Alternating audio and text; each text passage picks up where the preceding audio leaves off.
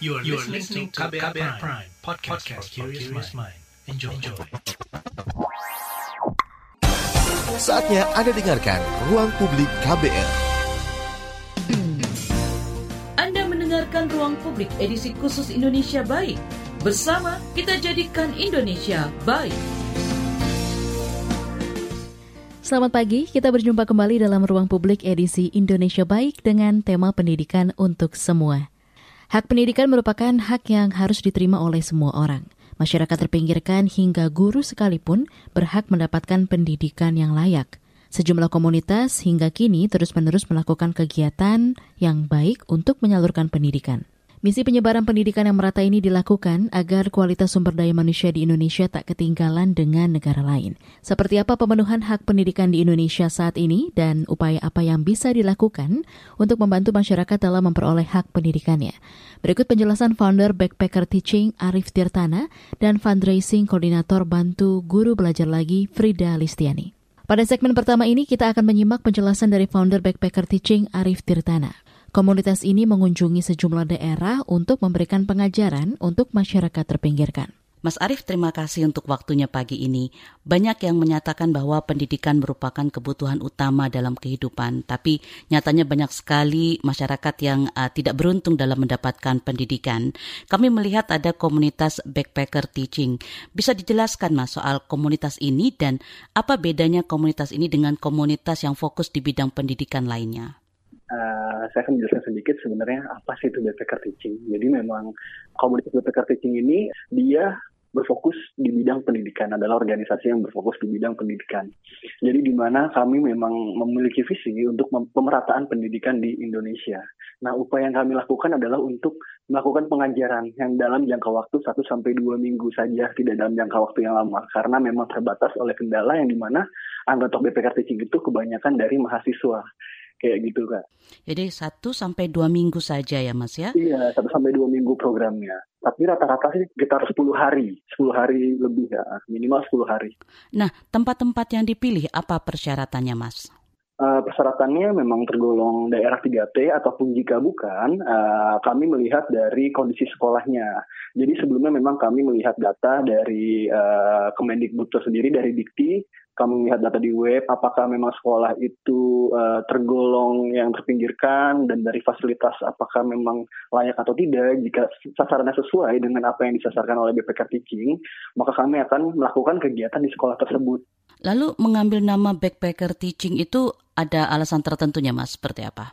Uh, ada sih memang uh, BPK Teaching sendiri itu kami mengambil dari kata yang backpacker yang berarti yang kami mengartikan bahwa uh, seseorang melakukan perjalanan dengan budget minimal mungkin dengan keadaan sederhana dan dan mampu beradaptasi di mana pun mereka berada gitu. Dan teaching itu mengajar. Jadi kami beranggapan bahwa uh, anggota BPK Teaching jika nanti melakukan pengajaran di daerah, mereka harus mampu menjadi seseorang yang mampu mengajar di kondisi apa pun, mampu mengajar dalam keadaan apa pun, dan mampu beradaptasi dengan masyarakat sekitar dengan baik. Karena itu yang kami harapkan dari uh, seorang BPK teaching itu sendiri. Mengapa dipilih 10 hari, Mas? Dan apa saja kegiatan yang dilakukan selama 10 hari itu? Apakah hanya belajar mengajar atau ada hal lain yang dilakukan teman-teman di sana, Mas? Ya, jadi kenapa 10 hari? Jadi memang awal mulanya itu BPK Teaching itu dari salah satu kampus uh, di UMJ dan memang terkendala waktu. Jadi memang terkendala waktu kuliah segala macam. Jadi kami memilih uh,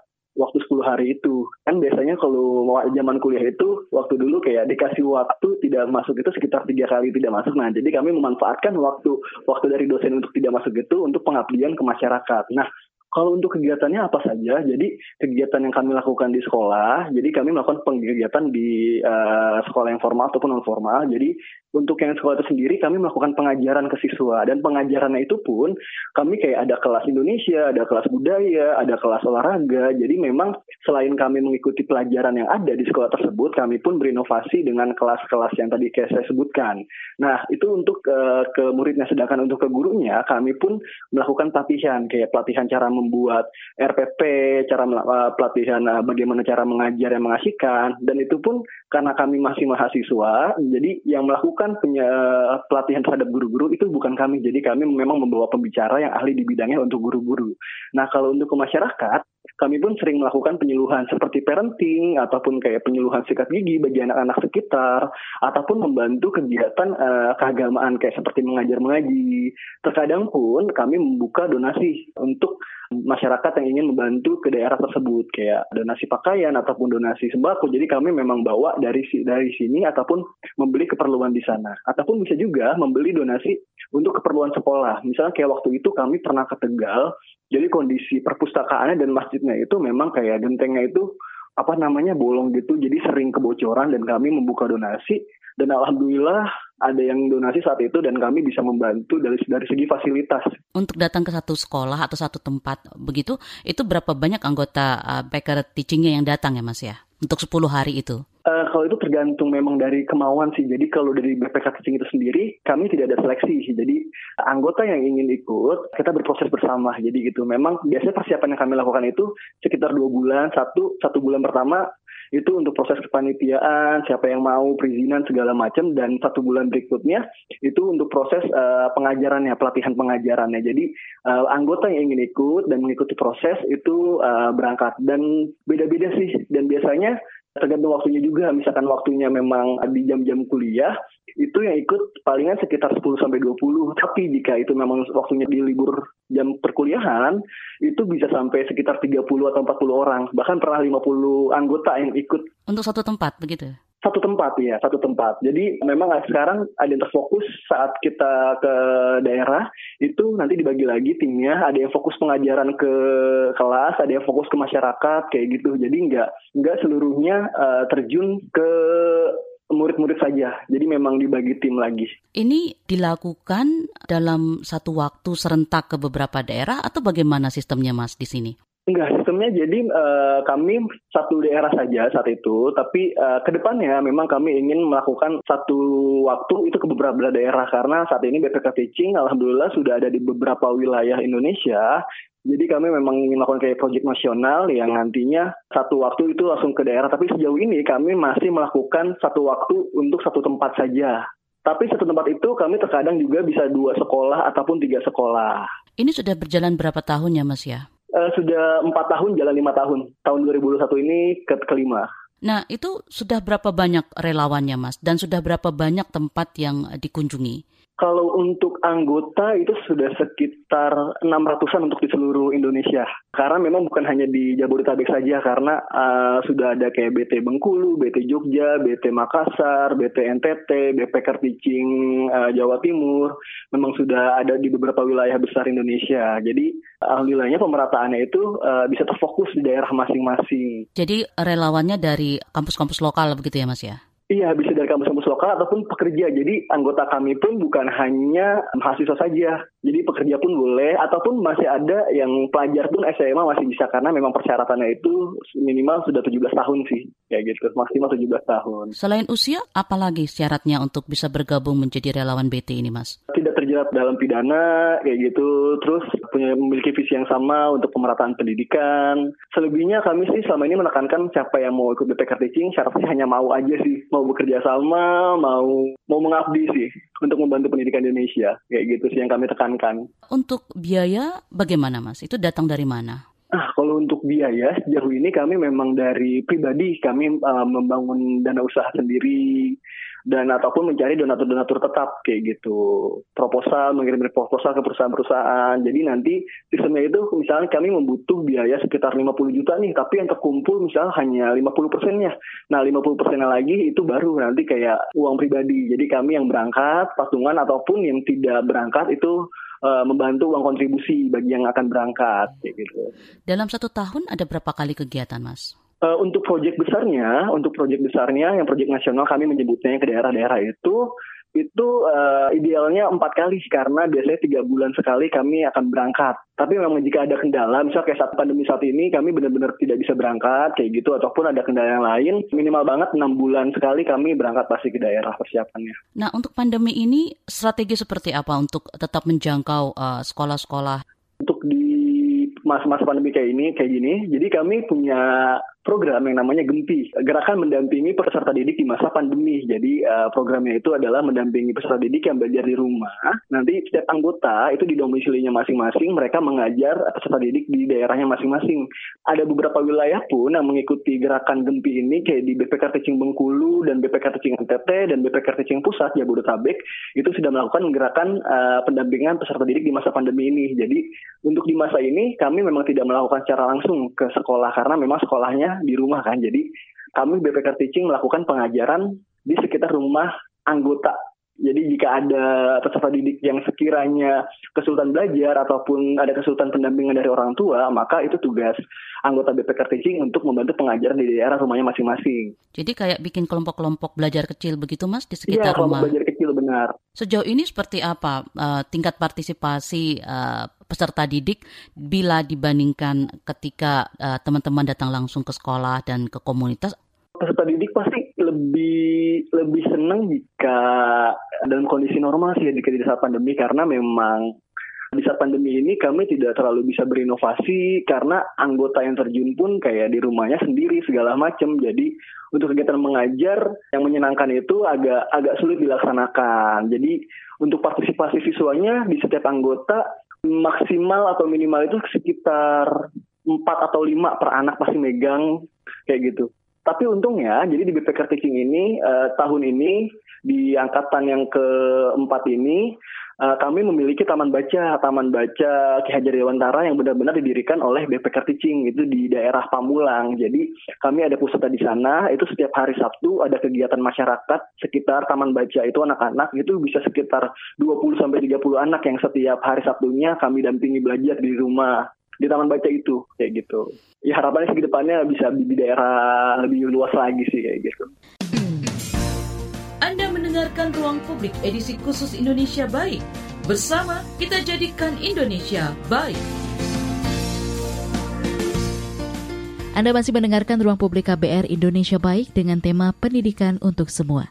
Siaran pagi ini bisa disimak di 100 radio jaringan KBR dari Aceh hingga Papua dan kbr.id. Kami masih akan melanjutkan perbincangan rekan Fitri Anggrini bersama founder Backpacker Teaching Arif Tirtana. Kalau untuk yang PJJ ini kan kita tahu masih uh, banyak daerah-daerah yang kesulitan dengan akses internet begitu ya Mas Yana. Apakah daerah-daerah itu sudah ada uh, teman-teman uh, BT di sana Mas? Di bulan Februari ini kami ada proyek ke daerah Bogor, Jasina. Jadi karena kendala pandemi, jadi dari dari Badan Pengurus Hariana pun dan dari BPK Teaching itu sendiri mengubah konsep yang tadinya kami harus datang ke daerah sana. Jadi kami bekerja sama dalam bentuk uh, pembuatan video pembelajaran. Jadi agar bisa dijangkau, bisa dijangkau dengan mereka ataupun bisa kami sebar bukan hanya untuk sekolah yang, yang kami sasar kayak gitu. Jadi kami membuat video pembelajaran untuk siswa-siswa yang memang tidak bisa dijangkau ataupun kesulitan belajar kayak gitu karena memang uh, masih banyak juga guru-guru yang menggunakan pembelajaran itu hanya dari WA saja, hanya menggunakan teks saja kayak gitu jadi masih masih jarang yang menggunakan video. Nah itu kami sedang menggarap uh, video pembelajaran untuk uh, siswa-siswa sekolah dasar sih untuk saat ini. Apa aja isi videonya itu, Mas? Lebih pengajaran sih. Jadi uh, karena kan sekarang K13 ya per tema gitu. Jadi kayak dibagi per anggota. Misalkan kayak anggota ini dia mengurus tema satu, tema dua untuk tingkatan kelasnya juga dibagi kelompok lagi. Jadi biar terfokus dan ada tanggung jawabnya masing-masing per anggota didistribusikannya lewat YouTube kami sih BPK Teaching. Tapi kalau dari segi lamanya pendampingan sebenarnya untuk mendampingi PJJ ini jauh lebih panjang ketimbang teman-teman datang ke sekolah-sekolah itu ya Mas ya? Iya benar. Memang uh, dari mendampingi ini, memang program Gempi pun ini tidak pernah putus sih. Untungnya tidak pernah putus, jadi ya bisa dibilang proyek ini ya proyek proyek Gempi ini yaitu untuk proyek selama pandemi ini, selama pandemi masih ada, ya kami pasti masih melakukan proyek ini. Jadi nggak ada nggak akan ada habisnya kalau misalkan untuk ngomongin proyek Gempi ini sih selama masih ada pandemi. Nah kalau uh, teman-teman uh, di BT sendiri melihat seperti apa pengaruh pandemi ini terhadap uh, pendidikan Indonesia, Mas. Yang kita tahu juga masih banyak uh, kekurangannya, terutama soal uh, distribusi tenaga pengajar, juga fasilitas dan juga uh, teknologi dan juga akses terhadap sekolah-sekolah, Mas. Uh, kami pun sudah melakukan diskusi tentang apa sih dampak pandemi dari segi pendidikan ini untuk segi pendidikan. Jadi yang kami rasakan itu ya memang di pandemi aja itu banyak sekali kendala yang dirasakan oleh guru ataupun murid dari segi belajar, fasilitas dan sumber belajar seperti buku dan segala macamnya. Apalagi tambah pandemi yang harus diwajibkan secara online, itu apalagi daerah-daerah tertinggal masih banyak siswa yang tidak memiliki handphone yang di mana guru-guru memang harus menjemput bola, harus harus melakukan home visit ke dari rumah ke rumah yang di mana itu sangat membutuhkan waktu yang panjang dan tidak maksimal. Eh, dampak pandemi ini sangat luar biasa, sangat-sangat luar biasa. Eh, bahkan kayak kami pun di uh, di taman baca pun melakukan mengajar itu sangat terbatas karena tidak bisa melakukan uh, permainan yang menyenangkan dengan kontak fisik segala macam. Jadi apalagi daerah-daerah yang kondisinya itu jauh dari sinyal, jauh dari apa, jauh dari apa pun itu, ya sangat berpengaruh sih kak. Jadi kayaknya pandemi ini ya memang dampaknya setelah pandemi ini bakalan sangat sulit sih.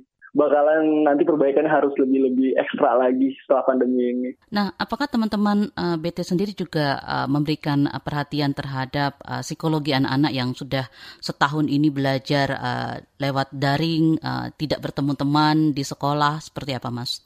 Uh, untuk saat ini, uh, untuk dampak psikologi kami belum melakukan. Tapi ada concern ke sana nggak, Mas? Uh, kalau konsen ada memang.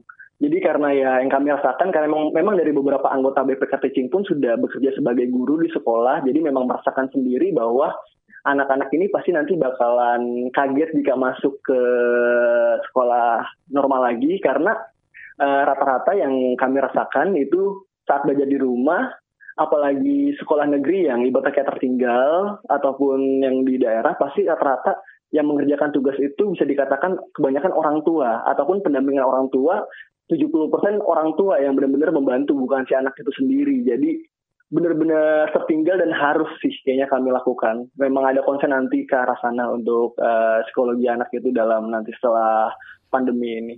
Berarti selama pandemi ini uh, teman-teman hanya fokus untuk uh, pendampingan PJJ. Jadi kegiatan-kegiatan uh, untuk komunitas, untuk guru itu uh, tidak bisa berjalan ya Mas ya? Iya, tidak bisa berjalan. Jadi kami uh, khusus uh, pandemi ini hanya terfokus pada peserta didik saja. Untuk Indonesia Timur seperti apa concern teman-teman BT Mas? Apakah sudah ada Mas? Untuk uh, Indonesia Timur uh, itu melakukannya uh, dari rumah anggotanya. Nah, jadi di Indonesia Timur itu anggotanya uh, bekerja sama sih. Kalau Indonesia Timur itu jadi ada eh, bekerja sama dengan komunitas pengajar juga di sana. Jadi mereka bekerja sama untuk mengajar di uh, jadi ada base-nya itu maaf saya lupa nama komunitas yang bekerja sama dengan BPK Teaching NTT itu apa. Mereka melakukan pengajaran di daerah di sana di base-nya yang bekerja sama itu. Berarti uh, BT sendiri juga melakukan kerjasama dengan komunitas-komunitas lokal nggak Mas ketika melakukan tugas-tugasnya ini? Iya benar, melakukan uh, kerjasama dengan komunitas lokal atau bahkan dengan Karang Taruna setempat. Apakah juga mendapat uh, bantuan atau pendampingan dari pemerintah daerah begitu Mas? Dinas pendidikan misalnya? Kalau sejauh ini uh, bantuan secara moral sih, jadi kayak kami melakukan izin ya Alhamdulillah semuanya dipermudah oleh dinas setempat jadi tidak ada yang pernah mempersulit setelah kami menjelaskan tujuan kami apa, maksud kami apa. Sejauh ini dinas setempat tidak ada yang mempermasalahkan, pasti memberi izin dengan sangat mudah. Tadi Anda sempat menyebutkan dengan kondisi pandemi ini, uh, kondisi pendidikan kita akan uh, semakin berat untuk bangkit ya Mas ya.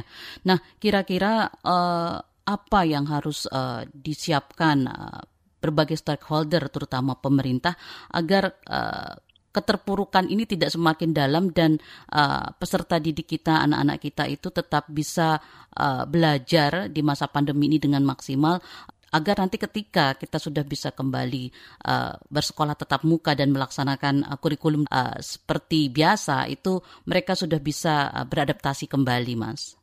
Menurut saya pemerintah harus bekerja sama dengan instansi-instansi perguruan tinggi. Jadi uh, menurut kami yang sangat berpengaruh itu bisa jadi mahasiswa dan mahasiswa itu sebenarnya semangat itu sangat tinggi jika diberdayakan.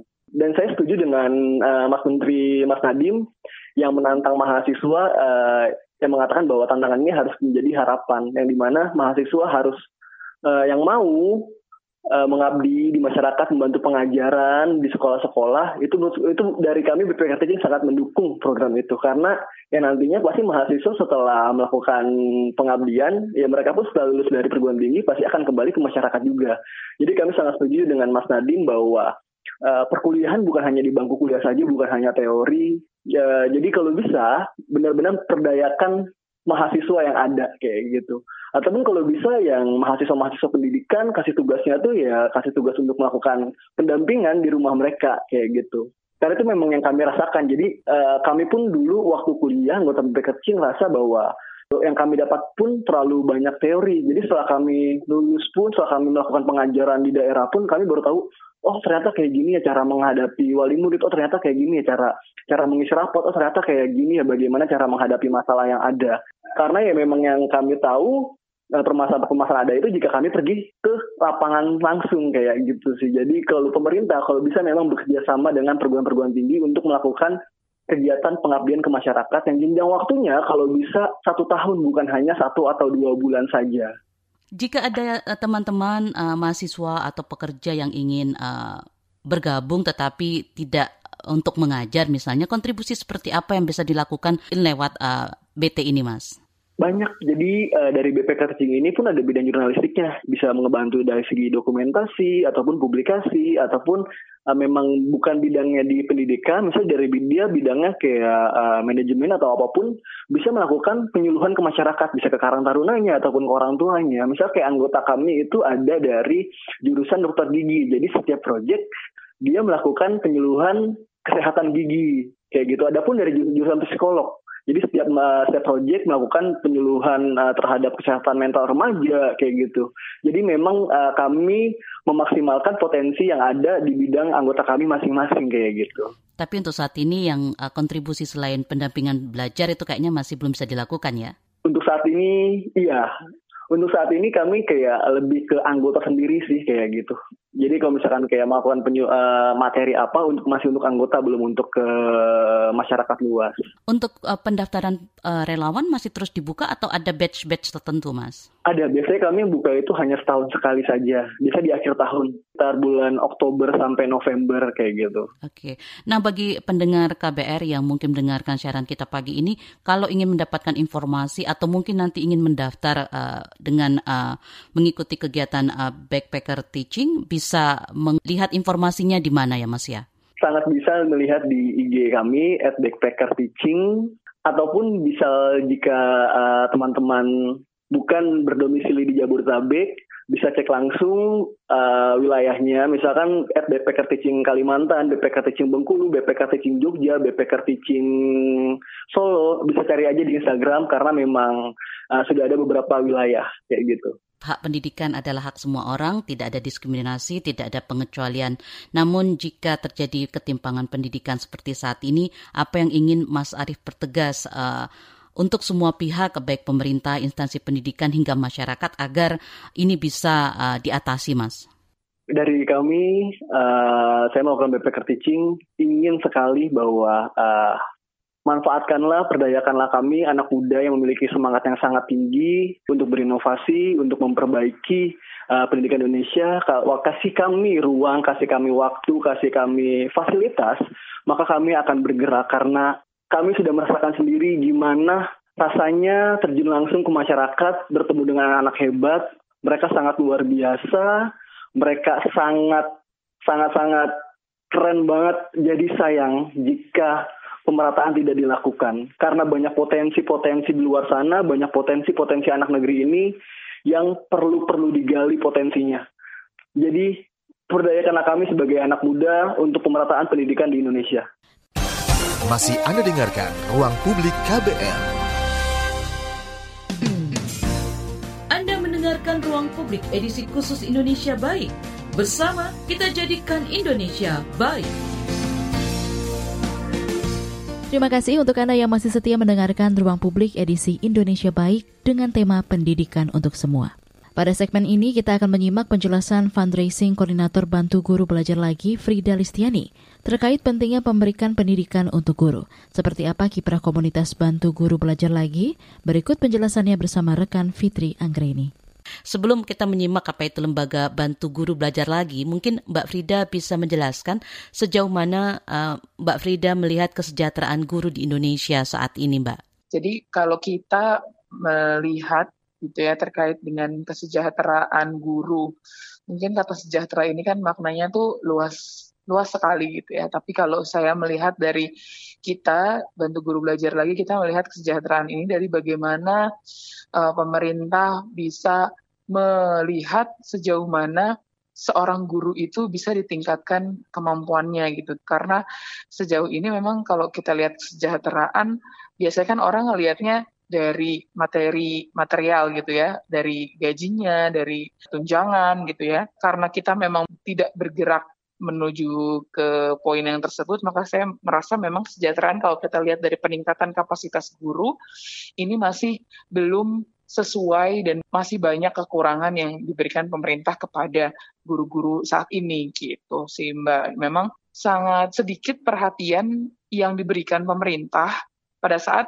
melihat bagaimana sih harus meningkatkan kompetensi juga uh, kapabilitas dari seorang guru. Secara umum kapasitas-kapasitas apa yang Anda lihat perlu dimiliki oleh seorang guru, Mbak? Jadi sebenarnya uh, kalau kita melihat apa yang sudah dan dan apa yang ingin kita penuhi dari dari kapasitas seorang guru adalah memang uh, yang sekarang kelihatan kan kayaknya setiap hari guru itu dibebani oleh urusan-urusan administratif gitu ya Mbak. Jadi kebanyakan kita melihat bahwa uh, yang diberikan, yang dikasih gitu ya pelatihan atau apa pun itu bentuknya hanya fokus kepada administratif. Beban-bebannya tuh buat hal-hal yang seperti itu sehingga soft skill yang seharusnya bisa membantu guru-guru dalam meningkatkan uh, metode belajar mengajarnya itu jadi tidak terlihat karena memang beban administratifnya sudah begitu banyak dan uh, peningkatannya pun kayaknya lebih mengarah ke sana sehingga kompetensi yang lebih soft skill gitu ya bagaimana cara penyampaian materi dalam kelas bagaimana cara metode-metode terbaru dalam penyampaian materi itu tidak bisa ditangkap oleh banyak guru gitu yang disediakan oleh pemerintah. Dan tentunya kendala geografis kita juga yang sangat uh, luas begitu ya Mbak ya untuk menjangkau para guru itu ya. Betul, kondisi kita kan juga mungkin uh, pulau-pulaunya jauh-jauh, terus kemudian keadaan uh, geografisnya juga beda-beda, sumber daya juga beda-beda, sehingga ini yang tentunya harus lebih diperhatikan karena pasti kan kebutuhan terhadap kompetensi masing-masing guru jadinya berbeda melihat karakteristik Indonesia yang beda-beda. Di mana peran uh, bantu guru belajar lagi atau BGBL ini, Mbak? Jadi uh, memang kami lahir gitu ya bantu guru belajar lagi itu lahir dari rasa yang kita punya gitu ya sama pendiri bahwa kayak kita punya tanggung jawab juga deh untuk bisa membantu gitu. Jadi jangan sampai kami gitu ya hanya mengeluh dan dan menyalahkan tanpa ada solusi yang yang kita kasih. Sehingga kita uh, merasa bahwa ini kayaknya kita harus uh, terlibat dalam hal pengembangan pendidikan di Indonesia. Jadi kayak, makanya kita merasa apa yang saya sampaikan sebelumnya terkait dengan uh, soft skill yang kurang dapat perhatian di dalam pelatihan, kita coba untuk bangun pelatihan-pelatihan yang memang menuju ke arah sana. Pelatihan-pelatihan yang sifatnya memang uh, menambah kemampuan guru dalam mengajar di kelas, kemudian cara cara-cara, metode-metode belajar di dalam kelas yang sifatnya memang lebih update, lebih baru, itu kita coba uh, sampaikan kepada guru-guru melalui pelatihan-pelatihan yang kita siapkan dan kita berikan selama ini. Untuk jangkauan sendiri, Mbak, sejauh ini sudah uh, di mana saja sudah dilakukan pelatihan-pelatihan ini dan uh, seperti apa caranya pendekatan ke sekolah untuk uh, memberikan bantuan ini? Jadi ini sebenarnya agak agak agak unik nih Mbak Fitri ceritanya. Memang waktu di awal-awal kami tuh uh, cakupannya hanya di Bekasi karena sebelum kita bikin uh, gerakan ini memang kita berangkat dari pengajar yang mengajar di sebuah sekolah saya dan beberapa teman-teman mengajar di sana. Terus kita merasa kita kan datang hanya seminggu satu kali. Jadi ibaratnya kita guru tamu. Kita merasa bahwa ini kalau kita doang yang datang, padahal setiap harinya lebih banyak si murid-murid ini bertemunya dengan guru-gurunya mereka gitu kan. Jadi kayak kayak kita harus bantu guru-gurunya ini deh. Nah, tadinya cakupannya hanya di sekolah dan gugus kalau di sekolah tuh ada ada istilah gugus kan ya mbak.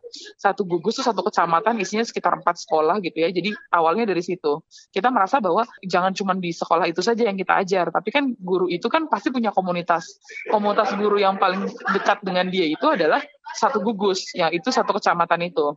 Jadi kita uh, tadinya empat uh, sekolah itu saja. Memang tadinya pendekatannya lewat ke kepala sekolah gitu ya. Sampai waktu bahkan kita ke pemerintah kotanya. Kita waktu itu di Bekasi, tepatnya di daerah Bantar Gebang sana. Nah, semakin ke sini uh, semakin tahun berjalan gitu ya sampai terakhir kemarin karena pandemi juga gitu ya mungkin ini hal yang kemudian kita rubah metodenya. Tadinya kan metode belajarnya uh, offline. Jadi karena offline jangkauannya pun terbatas ya kan. Karena tempatnya kan juga di daerah Bekasi. Jadi yang bisa mengakses ya guru-guru dekat-dekat situ saja. Yang tadinya cuma satu kecamatan jadi satu kota gitu. Jadi lebih luas lagi. Nah, tapi karena selama pandemi tahun lalu cakupannya jadi lebih lebih lebar karena sifatnya jadi online. Jadi semua guru sebenarnya boleh daftar siapa pun itu gitu. Karena kita woro-woronya pengumumannya tuh di di by sosial media dan lain-lain. Jadi sehingga terakhir pandemi ini buat pelatihan kita online ini uh, jadi lebih luas jangkauannya. Dan kemarin walaupun penyelenggaraannya ya ibaratnya di di YouTube gitu ya mbak belajar live di YouTube tapi banyak memang guru-guru yang akhirnya bisa mengakses pelatihan itu yang online.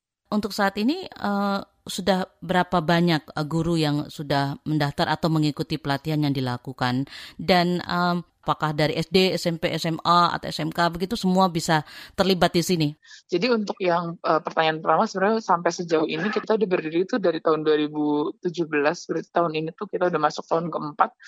Tapi rata-rata semakin meningkat. Terakhir kemarin uh, yang terlibat itu di angka 400 san guru 400 guru sudah terlibat dalam pelatihan ini. Kayaknya ah, kayak terakhir saya dapat info sudah sampai 500 kan guru ikut gitu ya. Karena setiap uh, kelas itu kan kuotanya itu bisa sampai 20 sampai 30. Apalagi kemarin itu karena online kan Mbak Fitri. Jadi itu antusiasmenya lebih banyak karena kita kan tidak terbatas oleh ruang kelas kan. Karena setiap guru bisa bisa bisa di mana pun gitu.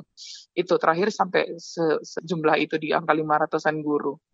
Nah kalau tadi yang uh, pertanyaan kedua apakah ini terbatas uh, jenjang pendidikannya? Itu itu nanti ditentukan oleh materi yang akan kita siapkan. Misalkan materinya ada materi yang memang sifatnya khusus untuk guru-guru PAUD khusus untuk guru SD, khusus untuk guru SMK, bahkan ada beberapa materi yang sebenarnya untuk seluruh level pendidikan tuh itu bisa dipakai, bisa digunakan gitu ya. Misalkan kayak uh, gamification dalam mengajar itu kan mau mau kelas berapapun gitu ya, mau jenjang apa pun itu bisa dilakukan. Tergantung materinya aja ya. Nanti kan seberapa kreatif materi itu kemudian bisa di diulas dan digunakan metodenya. Jadi itu tergantung sekali dengan kelas yang akan kita siapkan pelatihan apa nih? Misalkan pelatihannya soal metode uh, disiplin positif gitu ya. Disiplin positif kan nggak cuma SD, SMP atau SMA atau PAUD gitu. Itu si siapa pun guru bisa gitu sih. Jadi tergantung.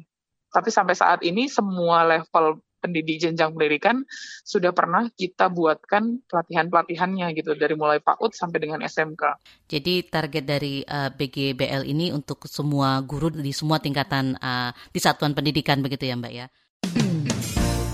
Anda mendengarkan Ruang Publik edisi khusus Indonesia Baik. Bersama kita jadikan Indonesia baik. Kita tiba di bagian akhir Ruang Publik KBR edisi Indonesia Baik hari ini. Pada pagi hari ini kami masih hadirkan perbincangan jurnalis Fitri Anggreni bersama fundraising koordinator Bantu Guru Belajar Lagi Frida Listiani.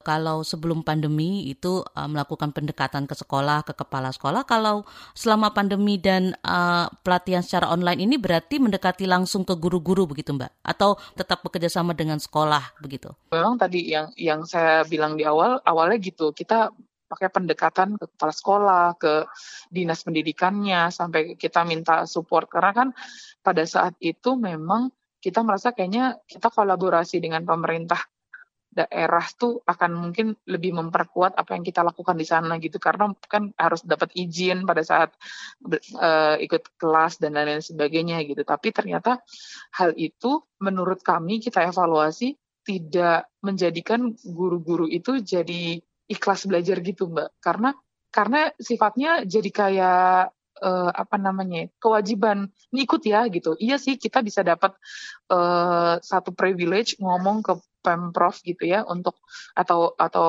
uh, pemkot untuk bilangnya ada ini dan mereka bisa langsung mendisposisikan untuk harus ikut gitu ya. Tapi kan hasilnya ternyata itu tidak sebaik ketika kemudian kita merubah polanya dengan membuka seluas-luasnya siapa pun guru yang mau ikut. Karena dari awal secara niat udah beda nih kita melihatnya Mbak. Yang pertama itu sifatnya kan kayak keterpaksaan, keterpaksaan belajar. Nah, ketika kita ngomong keterpaksaan, maka pada saat proses belajar itu nggak akan pernah bisa mencapai tujuannya gitu. Karena orang datang, guru datang hanya untuk memenuhi kewajibannya dia karena dia ditugaskan gitu ya. Nah, kemudian itu berubah di tahun kedua kita berjalan, kedua, ketiga kita berjalan, kita rubah metodenya. Jadi kita siapkan uh, publikasinya gitu ya. Misalkan pelatihannya untuk dua minggu lagi kita siapkan publikasinya, kita sebar ke semua komunitas yang kita punya gitu ya, guru-guru. Waktu itu kita masih di Bekasi. Ya sudah, silakan yang memang tertarik, silakan yang ingin belajar, monggo. Karena setiap kali kelas ini enggak hit and run prosesnya. Jadi metode metode pelatihannya itu adalah kita satu pelatihan itu bisa ada tiga kali pertemuan. Nah, tiga kali pertemuan ini, uh, pertemuan pertama itu memang full kita dengan narasumber menyampaikan materi gitu. Jadi kayak uh, teorinya gimana, terus praktek yang pernah dilakukan itu seperti apa, sehingga mereka dapat gambaran bahwa uh, metode ini bisa mereka terapkan di dalam kelas. Kemudian mereka kembali ke kelas masing-masing, kembali ke sekolah masing-masing untuk bisa menerapkan hal itu gitu. Jadi nanti ada dua minggu kemudian ada pertemuannya lagi, pembahasan apakah uh, hal ini bisa bisa dijalankan, terus ada kendalanya apa, ada masalah apa ketika itu dijalankan gitu. Jadi sifatnya memang off terus kemudian on lagi di kelas terus ya off lagi in lagi nah setelah pelatihan selesai dalam tiga kali pertemuan kami dari BGBL juga masih maintain Mbak Fitri lewat WhatsApp group. Kita bikinin grup tuh. Jadi mereka bisa saling cerita apa pun, sebar informasi dan lain-lain sebagainya. Begitu metode yang kita kita gunakan selama ini sih. Jadi bukan kelas-kelas lepasan satu kali bisa diikuti, nggak begitu ya Mbak ya? Tetapi Enggak, ada iya. ada tiga kali pertemuan dan ada uh, uh, teori dan prakteknya begitu ya? Betul, betul, betul, betul. Dan ini apakah ada uh, periode-periode tertentu uh, dilakukan, Mbak, atau bisa dilakukan setiap bulan atau bagaimana, Mbak? Uh, jadi uh, kami sih kalau setiap pelatihan itu nggak ada periode tertentu, jadi memang sepanjang tahun kita tuh biasanya awal tahun tuh udah siapin tuh beberapa materi pelatihan okay. untuk satu tahun ke depan. Mm -hmm. Jadi selama satu tahun itu biasanya kita setiap bulannya tuh ada satu, satu bulan ada mm -hmm. satu gitu. Yang untuk bulan Februari ini, Mbak? Kita baru start uh, nanti di bulan Maret ya. untuk tahun 2021. Tapi informasi-informasi seperti ini uh, bisa didapatkan di mana, Mbak? Kita punya platform media sosial kita, kita paling aktif tuh di Instagram. Jadi kalau untuk uh, guru-guru yang memang belum pernah sama sekali join di pelatihan BGBL gitu ya, mereka bisa akses informasinya itu di Instagramnya kita @bantu guru belajar lagi. Tapi kalau memang yang sudah pernah ikut pertama kali, yang tadi saya bilang kan masih ada WhatsApp grup yang aktif tuh ya. Nah biasanya info itu kita share di di di teman-teman rekan kita di sana gitu. Jadi yang sudah pernah ikut masih dibolehkan untuk ikut ya? Boleh, boleh banget. Enggak, enggak kita tidak tidak membatasi. Uh-uh. Tadi boleh disebutkan Mbak Instagramnya, uh, mungkin pendengar kita bisa mencari informasi kalau ingin uh, atau tertarik untuk mendapatkan pelatihan-pelatihan di BGBL ini Mbak. Oke, okay, untuk um, kita ada di Instagram @bantuguru belajar lagi. Terus kalau mau cek lebih detail, kita juga ada website bantugurubelajarlagi.org. Dan juga kelas-kelas di uh, YouTube apakah bisa diakses juga uh, secara terbuka? Bisa, semua kan yang yang sudah yang sudah lewat gitu kan, maksudnya yang tapi kita masih simpan di YouTube. Nama YouTube-nya juga sama dengan semua media sosial kita, namanya masih Bentuk Guru Belajar Lagi. Dan itu tanpa spasi ya, disambung semua ya? Kalau uh, di Instagram itu uh, nyambung, tapi kalau di YouTube pakai spasi. Dan guru belajar lagi itu nanti semua pelatihan yang sebelum-sebelumnya sudah pernah kita jalankan gitu ya, itu ada di sana video-videonya. Jadi kayak creative problem solving, pembelajaran berbasis inquiry itu udah ada di sana. Kalau ada guru yang berminat, apa eh, syarat umum yang bisa yang harus mereka penuhi untuk bisa mengikuti kelas di BGBL ini, Mbak? Kita nggak ada syarat yang bagaimana-bagaimana. Pokoknya intinya kita butuh komitmen Bapak Ibu guru untuk bisa mengikuti pembelajaran sampai sesi terakhir gitu. Karena kadang-kadang iya daftar nih misalkan biasa lah ya Mbak yang daftar banyak gitu. Tadi tapi pada saat kemudian uh, pelatihan itu berlangsung yang datang nggak sebanyak yang daftar atau di pertemuan pertama berapa ntar pertemuan kedua ketiganya nggak datang lagi gitu ya mungkin karena kesibukan juga karena kan memang pelatihan yang berjalan ini kebanyakan di waktu-waktu weekend yang bisa yang yang kita lakukan karena kita melihat bahwa ketika pas weekdays kita kan juga melihat kesibukan Bapak Ibu guru yang harus ngajar gitu ya. Makanya kita merasa bahwa jangan jangan weekdays deh kan kerja ya kan, ngajar juga masih punya tanggung jawab sama murid-murid di dalam kelas sehingga di weekend inilah bisa jadi momen mereka untuk bisa menambah kompetensi, bisa nambah knowledge-nya juga, dan lain-lain sebagainya. Memangnya sekali pelatihan itu berapa lama ya Mbak ya? Kalau misalnya uh, pelatihan sebenarnya satu jam itu efektifnya gitu ya. Jadi sebenarnya tidak terlalu lama kalau kalau offline tuh ini karena sekarang online kan jadi paling satu jam satu jam setengah maksimal dua jam karena uh, kalau kelamaan juga kan orang udah nggak nggak bisa fokus juga kalau online kan ya Mbak Fitri. Tapi kalau offline biasanya di pertemuan pertama itu kita biasanya uh, setengah hari karena kan banyak interaksinya ya. Terus banyak game-game funnya untuk sambil belajar tuh interaktif sekali gitu. Jadi kalau online kan mungkin ada keterbatasan juga dari dari segi metodenya gitu ya. Jadi lebih ke apa namanya ya penyampaian materi walaupun sebenarnya setiap guru yang melihat gitu ya bisa bisa sambil live chatting juga buat nanya dan lain-lain sebagainya gitu. Kalau online sih dua jam paling lama. Untuk ikut uh, pelatihan ini, apakah ada kontribusi yang harus dibayarkan begitu Mbak? Nggak ada, nggak ada Mbak Fitri. Ini free, free banget gitu. Tinggal mendaftar saja kalau uh, berminat begitu dan melihat uh, sosial media bantu guru belajar lagi ini untuk mendapatkan informasi-informasinya ya Mbak ya? Betul, betul, betul. Jadi memang sebenarnya Mbak Fitri bantu guru belajar lagi itu memang kan ada beberapa program. Yang program regulernya adalah ini, pelatihan uh, untuk guru-guru. Tapi ada yang tadi sifatnya di waktu tertentu, itu biasanya di libur tahun ajaran, itu kita punya camp guru penggerak.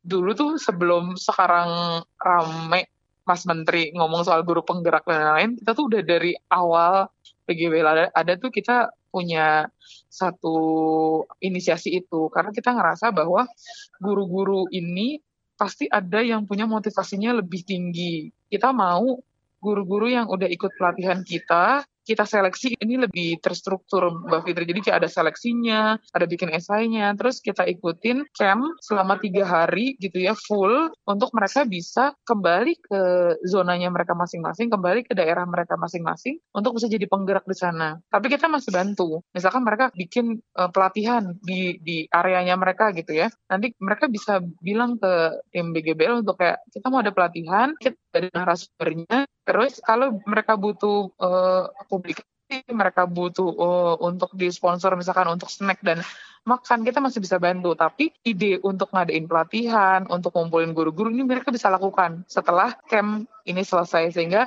uh, kelompok-kelompok kecil ini bisa bergerak di areanya masing-masing. Tapi ini tidak bisa berjalan selama masa pandemi ya Mbak ya? Iya, kemarin tuh pas kemarin tuh udah ada rencananya tahun 2020 cuman agak tertunda karena pandemi. Mbak Frida bisa membagi tips-tips bagi para guru yang uh, sudah atau akan uh, mengikuti pelatihan yang dilakukan BGBL baik secara uh, langsung ataupun hanya menonton lewat uh, YouTube. Uh, bagaimana agar pelatihan yang diikuti itu bisa uh, efektif bagi mereka dan uh, bisa diterapkan di kelas? Tipsnya kalau dari saya sih sebenarnya gini sih Mbak Fitri. Pertama mungkin setiap guru tahu dulu nih kebutuhannya di dalam kelas gitu ya. Kita kan juga ini uh, buat materi ini tentunya juga dengan banyak uh, survei tanya gitu ya dari dari media sosial kita, terus kemudian dari guru-guru yang sebelumnya juga ikut pelatihan, sehingga memang pelatihan-pelatihannya sifatnya banyak banget dalam satu tahun ini dan pertama yang harus dilakukan guru-guru ini pertama tahu dulu sebenarnya kebutuhannya itu apa. Nah, ketika mereka tahu kebutuhannya apa, terus kemudian ternyata bisa dijawab oleh bantu guru belajar lagi lewat pelatihan-pelatihan yang kita sediakan. Uh, terus selanjutnya adalah punya komitmen sih untuk bisa ngikutin ini sampai selesai. Dan memang sadar bahwa oh iya nih emang ini perlu dan ini harus diselesaikan secara selesai gitu karena biar supaya apa ya materinya gitu ya pengetahuannya itu bisa utuh di, didapetin tipsnya sih itu sih kalau kalau saya ya kalau selama selama pandemi ini gitu karena tadi keterbatasan kita cuma baru bisa ngadainnya secara Berarti uh, model pelatihan yang uh, diberikan teman-teman juga disesuaikan dengan model uh, pembelajaran jarak jauh juga ya Mbak Frida ya? Iya, ada beberapa materi yang memang kita siapkan untuk membantu guru-guru mempersiapkan pembelajaran jarak jauh yang sekarang memang sedang dicanangkan oleh pemerintah karena efek dari pandemi juga. Uh, apa yang ingin Mbak Frida sampaikan kepada semua pihak agar persoalan kesejahteraan guru, terutama peningkatan kompetensi guru ini bisa terus dilakukan dan bisa menjangkau uh, semakin banyak guru yang tersebar di seluruh Indonesia, Mbak? Jadi kalau saya mau menyampaikan bahwa tanggung jawab pendidikan itu bukan hanya tanggung jawab uh, bapak ibu di sekolah, bukan tanggung jawab bapak ibu guru atau bukan ta bukan hanya tanggung jawab pemerintah saja. Semua pihak punya perannya. Semua pihak itu punya bisa melakukan kontribusinya di setiap setiap uh, bidang dalam peningkatan pendidikan gitu ya. Jadi memang yang paling baik menurut kami di Bantu Guru Belajar Lagi kolaborasi itu jadi sangat penting ketika kita sedang ingin melakukan perbaikan terhadap sistem pendidikan di di Indonesia gitu. Karena pendidikan itu adalah tanggung jawab semua orang. Kita nggak bisa cuma nyalahin uh, pemerintah atau sekolah saja ketika pendidikan itu tidak berjalan dengan baik, tapi kita juga sebagai uh, masyarakat juga punya peran. Ternyata kayak kami uh, teman-teman dibantu guru belajar lagi mengambil peran itu untuk bisa membantu pemerintah dalam peningkatan kompetensi guru begitu. Jadi intinya kita semua tuh bertanggung jawab dan kita semua tuh dengan kolaborasi yang semakin banyak pihak terlibat itu akan semakin membuat pendidikan kita ke arah yang lebih baik.